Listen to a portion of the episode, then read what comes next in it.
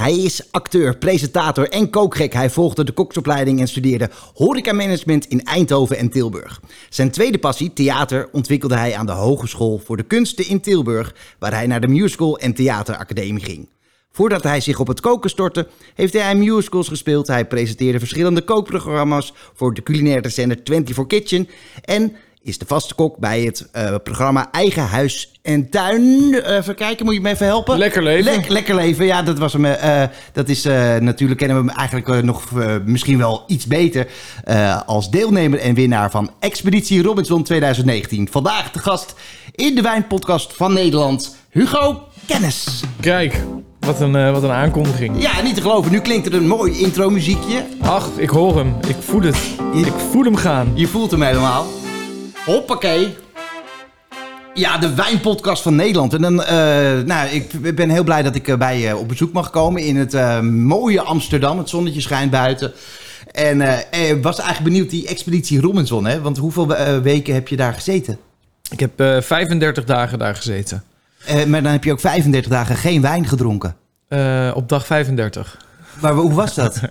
ik, ik, was lam na een half glas. Ja, maar, hoe was het gemis van wijn? Dat klinkt heel erg als een alcoholist. Nee, dat miste ik zeker. Wijn uh, zat, uh, zat zeker op mijn, uh, op mijn beker. Hij staat daar achter op de kast. Ik heb hier een, een oh, ja. de, de Budon van Robinson. De befaamde Budon waar je dan in kan krassen. Het aantal dagen dat je er al zit. dingen die je mist. En er staat bij mij zeker wijn op aardbeien, knoflook, wijn, mijn moestuin. Dat waren toch wel. En mijn kippen. Dat was mijn grootste gemis. Dus wijn zat daar zeker bij. Ja. En uh, uh, dat, daar ben ik heel blij om. Want ik heb een afspraak gemaakt met je om een podcast op te nemen. Ik denk, ja, Hugo die weet veel van heel erg veel lekker eten. Mhm. heb je een beetje verstand van wijn? Ja, ik heb wel een wijnopleiding gedaan. die hoorde bij mijn, mijn voortgezet koksopleiding. Toen ik uiteindelijk ging doorstuderen vanaf Eindhoven door te gaan in Tilburg. En toen heb ik wel het vak wijn erbij gepakt, omdat ik het wel heel interessant vond. Natuurlijk ook de wijn-spijscombinaties. Nou, maar ik moet wel heel eerlijk zeggen, zoiets moet je dan om de twee jaar nog wel een beetje opfrissen. En dat heb ik niet meer gedaan. Toen werd het iets te druk in mijn leven. Maar uh, nee, ik weet wel basisdingen van wijn, ja. ja. ja want, uh, het is van druiven gemaakt, wist je dat? ja, dat wist ik inderdaad. Ja, nou ja, goed. Dat is een, goeie, want dat wist ik vroeger niet. Toen ik uh, zelf het vak inrolde, wist ik dus niet dat het van druiven gemaakt was. Wat dacht je dan? Ja, ik, ja, ik was ook heel jong hè, dat ik het Oh. vak inrolde. Was echt 14, 15 jaar. En eh, ik hoorde altijd mensen praten dat het eh, naar aardbeidjes eh, kon, kon ruiken. En Ja. kersen en bessen. En, dan, en je wil niet weten hoeveel mensen ik eh, nog regelmatig spreek... die ook denken dat dat er daadwerkelijk bij komt. Hè? Oh, dat er dan ook kersen in zitten. Ja. Maar dan ben ik ook benieuwd, als een wijn stallig smaakt, zit er dan ook zit er dan een stuk stal in? Ja, en kattenpis. Hè? Dan, Ja. dan laten ze gewoon een, een zeiken. Ah, ja, nee, absoluut. precies. Hoor. Denk, hey, maar ja, het was, wat dat betreft is deze afspraak om een podcast met jou op te nemen... heel vaak verplaatst. Je bent een, een druk manneke. Ja, dat klopt. Ja, ik, het, ik schaam me ervoor dat ik hem moest verplaatsen. Maar ehm, ja, het is druk. Het is heel druk. Eh, Veel programma's aan het opnemen nu. En ehm, rond de feestdagen is, was het sowieso eh, is het altijd een beetje gekhuis als, als tv-kok. Ehm Want- ja, goed, beter te druk dan te rustig, toch? Ja, maar mijn, eh, mijn, mijn beginpraatje, acteur, eh nou ja, kookgek. eh, maar Ja. wat is nu wat, wat- is het belangrijkste voor je? Dat Expeditie Ja. Robinson, dat is klaar. Dat, daar, ga je, daar kan Nou, je alleen nog aan daar- terugdenken. Nou, zeker. Maar ik heb daar nu weer in gezeten afgelopen jaar. Dus in december heb ik een tweede ronde gedaan. Die is net op tv geweest. Eh, dat was de All-Star editie. Dus toen kwamen alle winnaars en finalisten van de afgelopen 20 jaar mochten nog één keer terug. Dat was dit keer in eh, Afrika, in Zanzibar. Eh, dat was minder succesvol dan mijn 2019 editie, kan ik wel zeggen. Ik was er iets eerder uit. Maar ik vond dat ook prima. Eh, dus dat soort Kon programma's... je weer eerder aan de wijn? kon ik weer eerder aan de wijn. Zeker. Ook meteen daar op het resort, toen ik eruit kwam, was het eerste een... ze staan trouwens hier voor me, een bakje gerookte amandelen, eh, gevulde olijfjes en een glas eh, koude eh Sauvignon. Sauvignon Blanc. Ja. En dat kwam uit Zuid-Afrika dan? Of, Eh, ja, in dat geval wel, ja. Ja, ze hadden daar lokale wijn, ja. Ja, dat, dat is mooi. Het is bij, bij Siers, maar wijnadvies is deze maand de Zuid-Afrika maand. Dus mijn vraag Oh. was, ik, moet, ik heb beloofd namelijk een podcast iets een keer over Zuid-Afrika. Dus we moeten even heel kort Zuid-Afrika. Ben je er veel geweest? Eh, ik ben in Zuid-Afrika geweest, maar ik drink er vooral wel de laatste tijd heel veel wijn van. En, Sterker nog, ik, ik, ik heb hem nu net twee doosjes besteld. Eh, ik was eten in een restaurant. Toen heb ik daar een Zuid-Afrikaanse wijn op. En die vond ik toch wel erg lekker. Dus die heb ik eh, even lekker... eh, nou, noem, noem me bij naam en toenaam. Ja, Of, ik eh, Praat jij het even vol? Ja, is goed. Ja, nou, dat, ja, dat kan ik eh, makkelijk. Want eh, die Zuid-Afrika maand, eh, dit, dat is nu nog in eh, mei. En eh, er zijn dus heel veel aanbiedingen en dergelijke. Eh, daar is hij alweer hoor. Oh, ik kan er een eh, hapje kunnen nemen ondertussen van de rabarber Crumble. Ja, ja, een soort cake tussen cake en crumble in.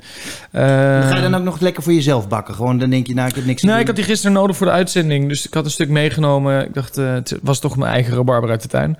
Het is de nieuwe trek Sauvignon Blanc. De nieuwe trek. De nieuwe trek. Ja, nou ja, geweldig. Licht, maar wel lekker. En heeft iets... Ik was heel erg fan van de Sauvignon uit eh, Nieuw-Zeeland. Eh, een beetje die Marlboro die nu heel veel eh, Ja, ja, ziet, ja. eh, ziet ontstaan. Nou hoorde ik dat, eh, dat dat een heel slechte oogst is geweest. En dat ze dus nu die Sauvignon eh, Blanc eh, een beetje in die trant uit Zuid-Afrika vooral aan het halen zijn. Dus toen zei ik, nou doe mij die maar. Ja, Nou moet ik zeggen, hij had echt iets meer... Het heeft natuurlijk iets bloemigs, die, die, die, die Marlboro Nieuw-Zeeland. En deze is dan, omdat het klimaat er iets warmer en stabieler is... meer een beetje passie vrucht, passie bloem zelfs. Ja, ik vond hem heel, eh, gewoon heel chill. Het is echt geen zware wijn dat je denkt... nou, dit, dit past, hier, dit kan ik echt als een rode wijn drinken bij, eh, bij wat zwaarder vlees. Nee, het is wel gewoon een licht voorgerecht, Easy lekkere borrel, easy going, doordrinken. Gewoon een, een, een goede... Het is een beetje warm hè, nu, in de tijd van het jaar. En daar past deze heel lekker bij. en wat je zegt, eh, Nieuw-Zeeland, daar zijn de wijnen eh, slechte oogst. Het Ja, dat hoorde ik dit jaar, toch? duur geworden daardoor Ja. ook. Hè? Dus Ja, Ze hebben nog wel wat kunnen maken. Dus wordt gekeken naar alternatieven. En inderdaad Zuid-Afrika, maar ook Ja. Chili. Hè? Daar heb je ook cool climate eh, gebiedjes. Waar, want dat is eigenlijk het geheim. Om dat exotische fruit erin te krijgen... moeten die druiven op een koelere plek groeien. Dat is, dan krijg je veel meer dat exotische en lekkere toegankelijke. Want eh, eh, omdat je zo druk bent met alles, ga je dan... Dus je zegt, dit heb ik eh, ergens gedronken toen Ja. je uit eten ging. Je gaat nog wel eens uit eten. ja, dat hoort echt bij mijn werk. Dus ik, ik merk... Uit eten gaan. Ja, ja, Ja. ja. ik vind mijn grootste, nou ja, probleem in mijn carrière afgelopen negen jaar was eigenlijk corona. Dat ik gewoon echt een beetje inspiratieloos werd. Dat ik niet meer uit eten kon.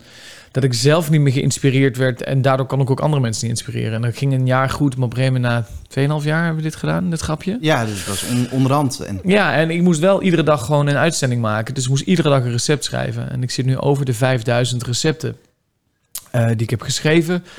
En nu had ik een writer's block. Dat heb ik nog nooit gehad.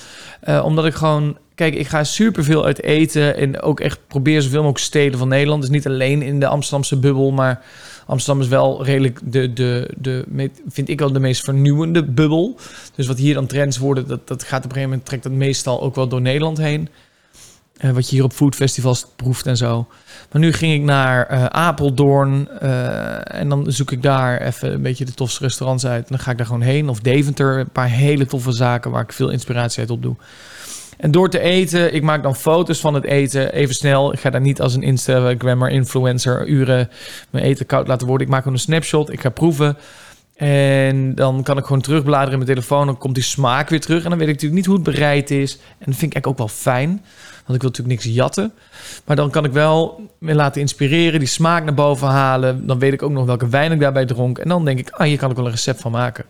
En dan zo haal ik wel een beetje mijn, mijn inspiratie. Ik merk zelf altijd ook, eh, ik kook helemaal niet. eh, dat, eh, Zou je eens moeten doen? Ja, dat, absoluut. Maar eh, ik wou zeggen, daar heb ik mensen voor, maar dat, dat, eh, klinkt ook weer zo. Nou, een, eh, een medewerker van mij die kan supergoed koken. En wij gaan vaak dan samen uit eten, maar ook als we op wijnreis zijn. En ik moet zeggen, de buitenlandse keuken Mhm. maar inspireert ons ook altijd weer zo. Omdat daar weer gekke dingen, we waren laatst in Rioja Ja. in Haro. En dan ga je, duik je een heel eenvoudig tentje in. En je wordt toch wel geïnspireerd door, weer door hele gekke dingen die je nergens in Nederland ziet. Ja, nee, dat is zeker waar.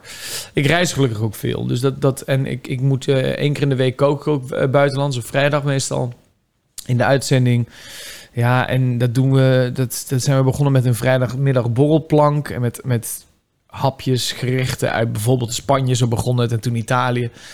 Maar nu zitten we vier seizoenen verder en hebben we een paar honderd afleveringen gemaakt. Dus dan kom je ook dan heb je de, de, de bekende landen wel gehad. Dus dan ga je borrelplanken uit Oezbekistan. eh, eh, echt kleine... Tsjetsjenië, een Tsjetsjeense borrelplank. Een, een Zuid- eh, eh, Latijns-Amerikaanse borrelplank. En is het dan niet Chili. soms het gevaar dat je inderdaad soms maar iets eh, het gekkere moet opzoeken? Dat, dat, Nou ja, op een gegeven zijn de landen op, dus de bekende landen. Maar daardoor ga je wel bepaalde keukens die niet per se bekend zijn, ga je testen. En dan denk je, oh, dus echt iedere keuken heeft natuurlijk wel iets. Iets waar je, waar, waar je echt toffe gerechten vandaan kan halen. En zo nou ja, merk ik dat ik eigenlijk door dat, mijn eigen idee van, oh leuk, we doen een landenthema. Nooit geweten dat dit programma al 2,5 jaar iedere dag op de buis is. Is wel wat, hè? Iedere dag. Ja, vijf dagen in de week. Ja, dus toen had ik me een beetje, eh, een beetje onderschat. Ik dacht, oh fuck, eh, op een gegeven moment zijn de landen gewoon natuurlijk op. Dan kun je zeggen van eh, niet, maar ja, dat is toch echt zo. Zoveel landen hebben, heeft de wereld niet. Als je uiteindelijk 500 uitzendingen moet maken, dan, dan ben je een heel eind. Ja, en bij sommige landen wordt het ook wel heel moeilijk, denk ik, om Ja, iets ja, spannends te gaan vinden. ja, ja, ja. Dus ik ben het nu ook wel een beetje aan het opdelen in streken. Dus dat ik toch wel een keer Spanje terug laat komen. Maar dan bepaalde gebieden. Of juist Baskeland of eh, Italië. Dat ik dan een, een, een Toscaanse borrelplank doe. Eh, ehm, of juist een, een, een Venetië borrelplank. Dat ik hem iets meer ga opdelen. Ik vond dat in Rioja zo leuk. eh, er werd zoveel met eh, octopus gewerkt. Ja, Dat vond ik echt... eh, dat, ja, in Nederland zie je dat toch veel minder. ja nee, dat klopt. En altijd verkeerd, vind ik. Eh, zeker, zeker. En eh, dat is toch best wel een, product waar je heel veel mee kan. Toevallig eh, heb ik daar vorige week nog mee gekookt. Ehm, nee, daar kun je hele leuke dingen mee doen. Wij kennen natuurlijk alleen maar de, de tijgerfrituurde inkvisringetjes een beetje.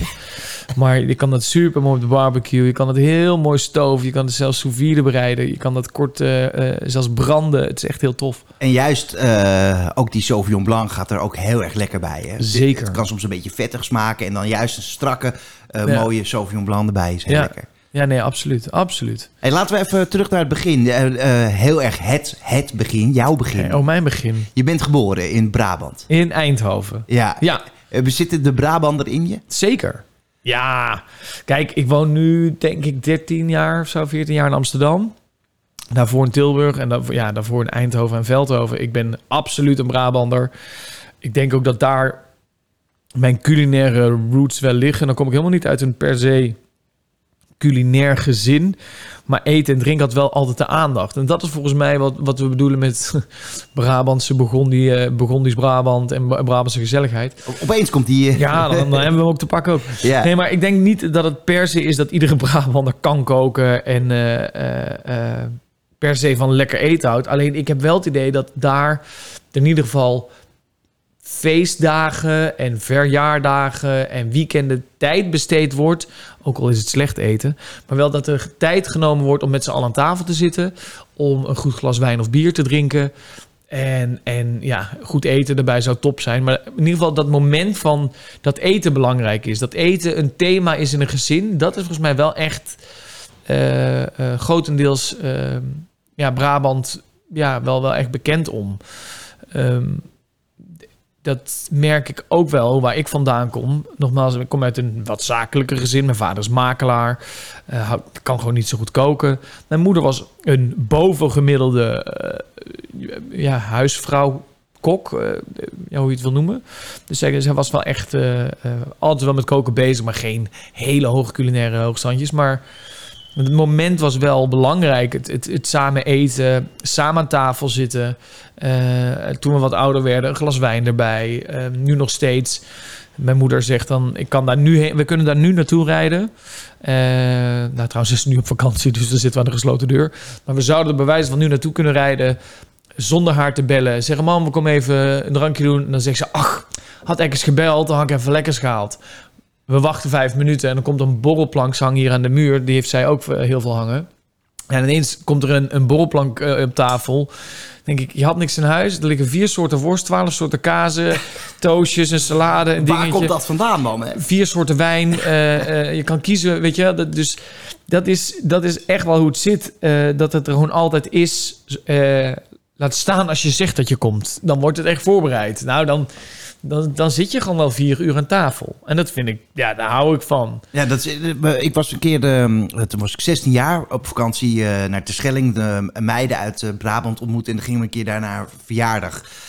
En in het gooi was het gewoon een zak chips openrukken en die werd op schoot gegooid. En daar zat je op een verjaardag uit te eten. Ja. En daar was ongelooflijk al die happies. Ja, ja dat is ja, ge- gewoon, zeggen ze dan, doe maar gewoon. Maar het is helemaal niet gewoon. Het is gewoon hartstikke veel en lekker en gevarieerd. En daardoor, daaraan zie je gewoon al die borrelcultuur. Dat zit daarin en dat is echt wel...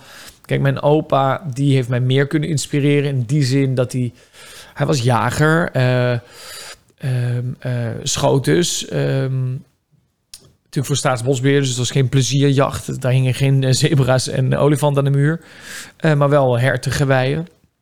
Ehm, en die werden dan ook gewoon netjes bereid. Dus mijn oma stond dan hazenpeper te maken, eh, houtduifsoep. Eh, en ik vond dat toen al super inspirerend om te zien. Hij had een moestuin, ze hadden kippen vroeger. Ja, dat is wel waar ik het echt vandaan heb. Ik werd uiteindelijk het boertje in Veldhoven. Terwijl mijn vader in maatpakken liep en, en makelaar was... kwam ik thuis en trok ik mijn blauwe, letterlijk blauwe overal aan en mijn klompen.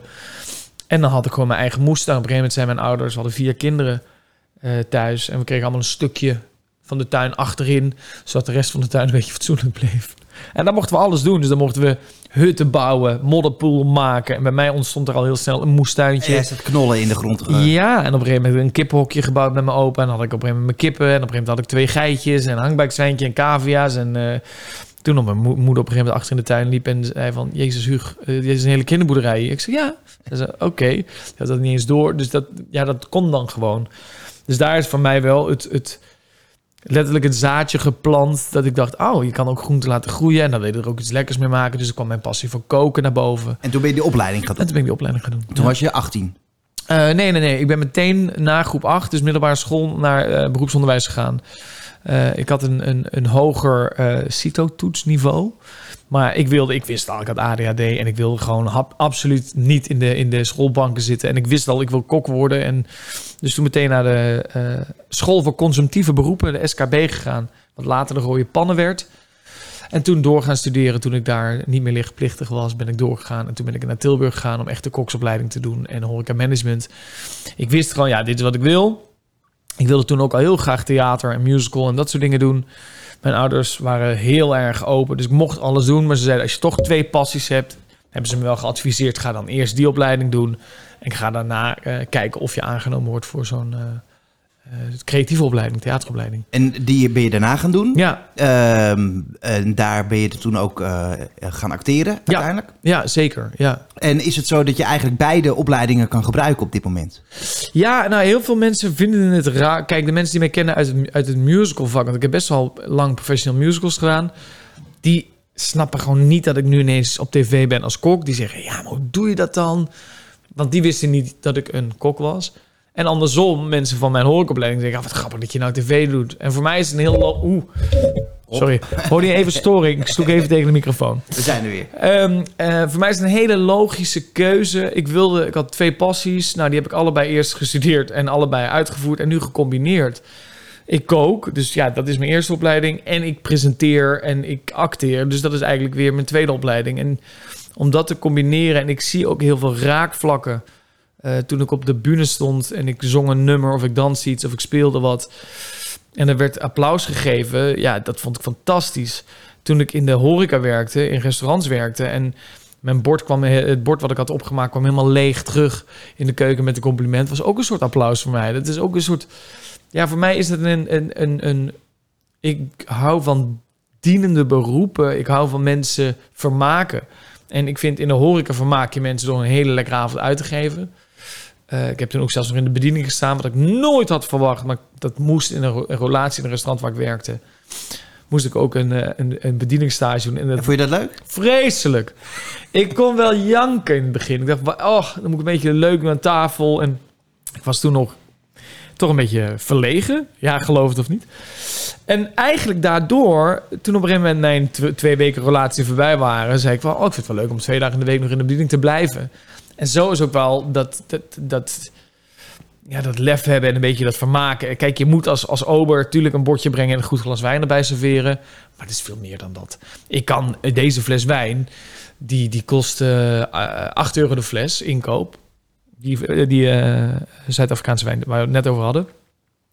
Ja, die kan ik verkopen in een restaurant. eh, en en dan, dan, dan willen mensen er 90 euro voor uitgeven. Ja, maar zonder dat, dat, dat ik het eh, negatief bedoel, eh, dat is toch ook een beetje theater dan? Zeker, 100% theater. Dus, dat, dat, die, dus daar is dat weer geprikkeld. En toen dacht ik helemaal, ja, ik moet gewoon na deze opleiding toch echt de bühne op. En toen dus inderdaad auditie gedaan. Maar die bühne, ga je die nog een keer op? Zeker. Ja, ja, ja. Binnenkort. Nou, dat zou zomaar eens kunnen, ja. Dat ik weer iets in het theater ga doen, ja. Een kleine scoop. Ja, misschien wel, ja. Ja, ja nee, ik, heb, ik, ik ben laatst gevraagd voor een, een, een grote voorstelling. Eh, meteen ook weer de hoofdrol. Dat ik dacht, holy shit. Eh, ik ben daar tien jaar geleden mee gestopt, negen jaar geleden. Ehm, en het, het ging toch wel weer kriebelen. Nou, deze lukte dan niet, omdat ik het echt niet rondkreeg met eh, RTL. Maar we zijn nu wel bezig om misschien volgend theaterseizoen toch iets... Maar er staat nog geen handtekening. Er staat nog geen handtekening, maar er is een, een, een ruwe planning gemaakt. En eh daar wordt eh, waarschijnlijk aan een voorstelling gewerkt waar ik, eh, die om me heen geschreven kan worden. Ja. En een eigen restaurant? Later. Ja, ook heel lang over nagedacht. Later als ik oud ben en groot. Ja. Nee, ik denk, ik zou dit nog wel een jaartje of vijf zeker willen doen, wat ik nu doe. En dit is gewoon niet te combineren met, nou, je weet zelf hoe lang het duurde voordat deze- deze afspraak stond. Ehm, dat, dat kost gewoon al je tijd. Ja, ja, ja. En ik zie mezelf echt wel, nou, laten we tien jaar zeggen, anders ga je over vijf jaar me hierop pakken. Vijf à tien jaar denk ik wel dat ik een kleine, klein restaurant wil. En In Amsterdam. ja, of in de buurt. Ik denk wel in of net buiten Amsterdam inderdaad. Eh, en ik heb hem al wel precies in mijn hoofd wat en hoe en, en eh, wat het moet zijn. Een wijnkaart. Het is een wijnpodcast, we moeten een beetje over wijn praten. Nou, er staat zeker wijn op de kaart. Sterker nog, er staan meer wijnen op de kaart dan gerechten. Maar hou je van een wijnkaart die heel erg groot is? Of vind je een wijnkaart heel prettig als die compact en eh, tien wijnen heeft? Eh, ik hou ervan. Die, die kaart mag van mij een boekwerk zijn als er maar een goede sommelier is. Want ik, ik blader er graag doorheen. Wat maar is een goede sommelier? Iemand die op een laagdrempelige manier jouw smaak eh, in drie zinnen kan pakken en jou kan adviseren en dat het klopt. Ehm, Anne Foukema is er eentje in Amsterdam. Echt een... een ja, het is een, zij is sommelier, maar zij is geen sommelier. Je zou haar niet... Als je haar aan de tafel hebt, denk je... Jeetje, wat een, gekke, wat een gek wijf. Waar we, ik weet het niet. Waar, Ze, werkt bij, eh, ze heeft al bij Entrepot gewerkt. eh, meerdere horecazaken in Amsterdam. En is nu een eigen zaak in Amsterdam-Noord aan het opzetten.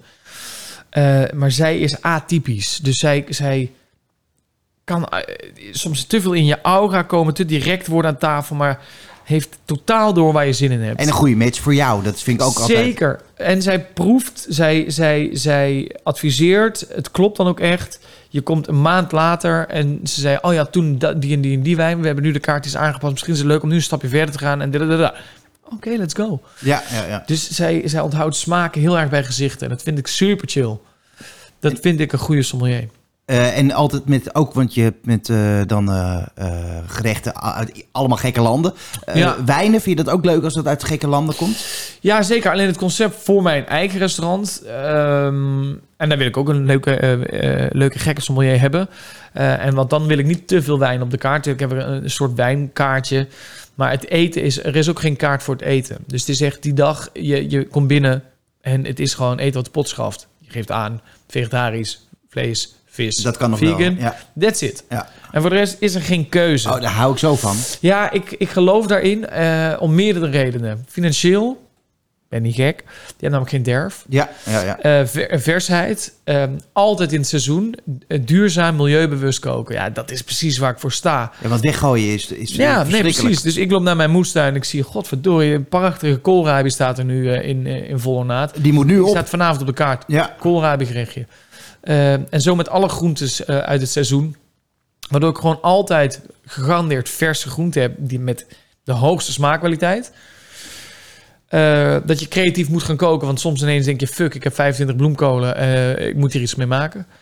Eh, duurzaam, omdat het lokaal is. Er is ook geen, geen belasting voor het milieu, dus je hebt geen vrachtwagens en schepen en vliegtuigen uit het buitenland. Wat ik nou eenmaal die doppertjes nodig heb voor die soep die helemaal op de kaart stond. Nee, flikker op. ja, ja. Daarom wil ik gewoon een eigen kaart, wisselende kaart, iedere dag anders. Je kan iedere dag komen eten.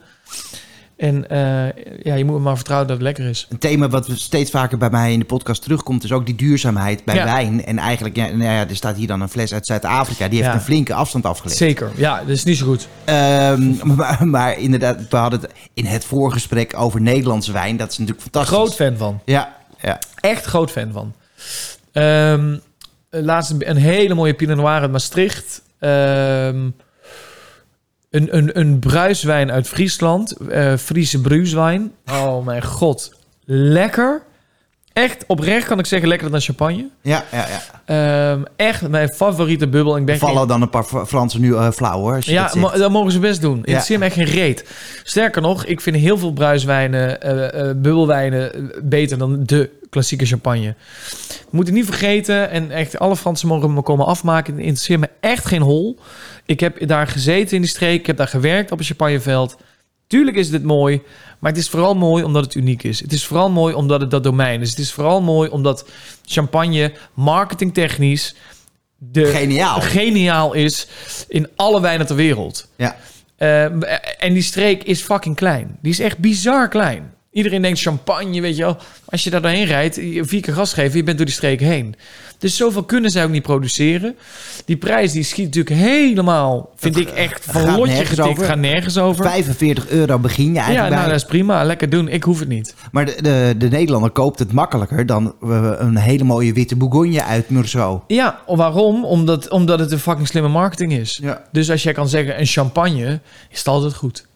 Ja, en ik vind dat laks. Ik vind dat, ik vind dat echt laks eh, om bepaalde merken maar te kopen. Om maar te zeggen, ik heb champagne. Ga eens een keer buiten die... Ga, ga- pak eens een, een, een Friese champagne. Ga eens een Friese bru- bruiswijn doen. Maar het is Of vaak ga- veel te kleinschalige productie. Dat is tenminste niet... Dat, eh, er zijn duizenden, er zijn zoveel bruiswijnen. Kijk eens naar Italië. Kijk eens gewoon naar de cava's, de prosecco's. Kijk eens hoeveel mooie daarvan zijn. Nee, ik ben totaal geen champagne drinker. Nee hoor. dat is, is Je mag het me geven voor dames en heren. Overtuigen met gratis eh, bulkflessen champagne. Ik neem ze aan. Maar nee, ik, ik zou dat niet bestellen in een restaurant. Doe het ook niet meer. Grappig. Nee, ik, ben, ik moet even oppassen of ik het helemaal met je eens ben. Dat weet ik niet. Oh, maar wacht. Er zijn hoge kwaliteit, echt goede champagnes. Alleen, ik denk dat er wereldwijd meer goede bruiswijnen zijn dan alleen de champagne. Sterker nog, die zijn er veel meer. Omdat champagne nou eenmaal gewoon een, echt een speldenknop van Frankrijk is. Ja. Het is niks. Het zijn vijf, vijf heuvels. En de stelling, als ik zeg eh, wat we een beetje concluderen... misschien maken ze wel dus in Nederland dus mooiere eh mousserende wijnen dan in, eh, in Frankrijk. Wat mij altijd opvalt als ik uit eten ga in Frankrijk... dat ik best wel vaak teleurgesteld ben. En Ja. in Nederland dat ik het niveau hoger vind. Als ik het over top horeca... Het Ja, niveau nee, van. Michelin eh, lijkt dat, dat, dit, dat een restaurant in Frankrijk eerder twee sterren krijgt. Ja. Wat in Nederland nog geen ster... eh, Nee, en nou is het ook zo dat er een cultuur heerst nu in Nederland. En ik ken heel veel horecaondernemers, vooral hier in Amsterdam. Die echt... Oh, mijn microfoon doet weer raar. ja, het is ook allemaal goedkoop spul. dit. Ah, wat een troep. Nou ja. Weet je, het is? Het is prima zo. Het is ook bijna klaar, dus het Daarom. maakt niet uit. Nee, eh, wat, wat een beetje de, de, de trend, merk ik, of cultuur is... dat, dat mensen Michelin ook denken... ja, fuck it, we don't need eh, Michelin. Er zijn twee restaurants die ik ken in Amsterdam... die echt al vier jaar in aanmerking komen. En die worden echt gevraagd van... hey, mogen we je nomineren? Kunnen we jullie... Die zeggen, oh nee hoor. We we staan gewoon met de benen buiten. We kunnen zaterdag en zondag dicht. Omdat we eigenlijk geen toeristen willen. Omdat het gewoon druk genoeg is met locals. En daarvoor willen we doen en leuk en eh in-crowd en gezelligheid. En als we nou een Michelin-vermelding krijgen, ja, dan, kom, dan komt helemaal de wereld van buitenaf en, en zitten we al vijf maanden van tevoren vol. Hebben we geen zin in. Nee, nee, nee. nee. Dus het is niet meer zoals vroeger. Het is niet meer het allerhoogst haalbare. Volgens mij is het hoogst haalbare alles kunnen doen wat je wil. De vetste wijn op de kaart knallen die totaal geen champagne-label hebben. Maar juist mensen kunnen inspireren met een supergoeie hap. Fucking lekker glas eh, champagne of eh, eh, bruiswijn of bubbeltjeswijn of gewone wijn ernaast. Die niet de geëikte culinaire klassieke Michelin-ster kunnen waarderen. Ja, prima. Ik denk dat dat, dat, dat, dat veel vaker gaat gebeuren. Ik, denk ik denk het ook. En ik hoop het ook. Ik vind het ook leuker. Veel leuker. 15 En veel betaalbaarder. Laten we ook even Ook eerlijk dat? zijn. Ja, nee, absoluut. Het is ook niet leuk om... één eh, zo'n ster op die ramen, dan komt er nul bij je rekeningen bij. Dus zo dat- is het en gewoon. Dat is niet leuk. Nee, dat, Nee. Hoeft, dat hoeft helemaal niet. Plus dan moet je je ook houden aan de eisen waar je... Waar je joh, dan kun je te, aan ten onder gaan uiteindelijk. Ik zou het ook niet doen. Een beetje meer, meer dat Bourgondische. Ik hoef geen heerlijk. Michelin-stellator. Nee, dat is duidelijk. Ja, en geen champagne op de kaart. Geen echte. Nee. hey, dit was een half uur. Nou, dus, eh, dat vliegt voorbij. Vond je het leuk? Ik vond het ik had nog één ding eigenlijk. Of je nog een vraag voor mij hebt of, eh, of dat niet. Ja, maar ja, dan... dan eh, Oké, ja, ja. Je bent geen kok, zei je. Nee, absoluut niet. Maar wat is dan toch jouw signature dish? Want ik kan me niet voorstellen dat je echt nooit kookt. Nou, ik zal je eerlijk zeggen... het mag alles zijn, hè? Ja, ja. Een goed gebakken ei. Ja, nee, dat is hem niet. Oké, nee, vertel. eh, ru- runderbuffet. Oh, Ja, en dan? eh, en, en dat kan, kan ik heel goed maken, omdat ik precies dat weet hoe dat... Op de eh, barbecue? Nee, dat doe ik eh, in een pannetje op en neer. En dan in de oven. En dan op 160 graden. En dan een kwartiertje. En dan goede peper en zout. Maar weet je waar, waar het En wat geheim drinken is? we erbij? Dat drink ik. En dat is ook, weet ik het antwoord meteen. dat ga ik morgen doen. Oké, overmorgen. Purple Angel van Montes. Ken ik niet. Nee, dat is Montes wijnhuis uit Chili. En eh, ik ga eh, dit weekend met mijn beste vriend gaan we een, eh, een weekend naar een huisje met de kinderen. En hoppakee, nou dat wordt allemaal lekker barbecue. Dus dan, wordt hij trouwens wel, want hij legt hem op de barbecue. Maar dat doet er even niet toe. Purple Angel is een carabinière uit Chili. En die heeft twee jaar op eiken gerijpt. Waarbij eh, mannenkoren aan het zingen waren. En ja, dat is een, een geniale wijn. Waar, redelijk aan de prijs. Ook al 60 euro in de winkel. Oh, en ik zeg altijd, één keer per jaar drinken wij die met z'n tweeën om onze vriendschap te vieren. Dat vind ik altijd mooi. Dus het is een symbolische wijn die ook eh, Ja, maar dat is goed. ontzettend lekker is. Wij moeten ook... Het is natuurlijk ook een, een heel groot stukje emotie. En ik vind het heel slim om... ik doe dat ook met vrienden. Eén keer per jaar drinken wij een bepaalde fles. Dat, daar gaan we los op. Dankjewel. Yes! Dit was de wijnpodcast van Nederland Robuust. We hadden Hugo Kennis te gast. Volgende week is er weer een nieuwe aflevering. En eh, dan hebben we ook weer een, eh, een nieuwe gast.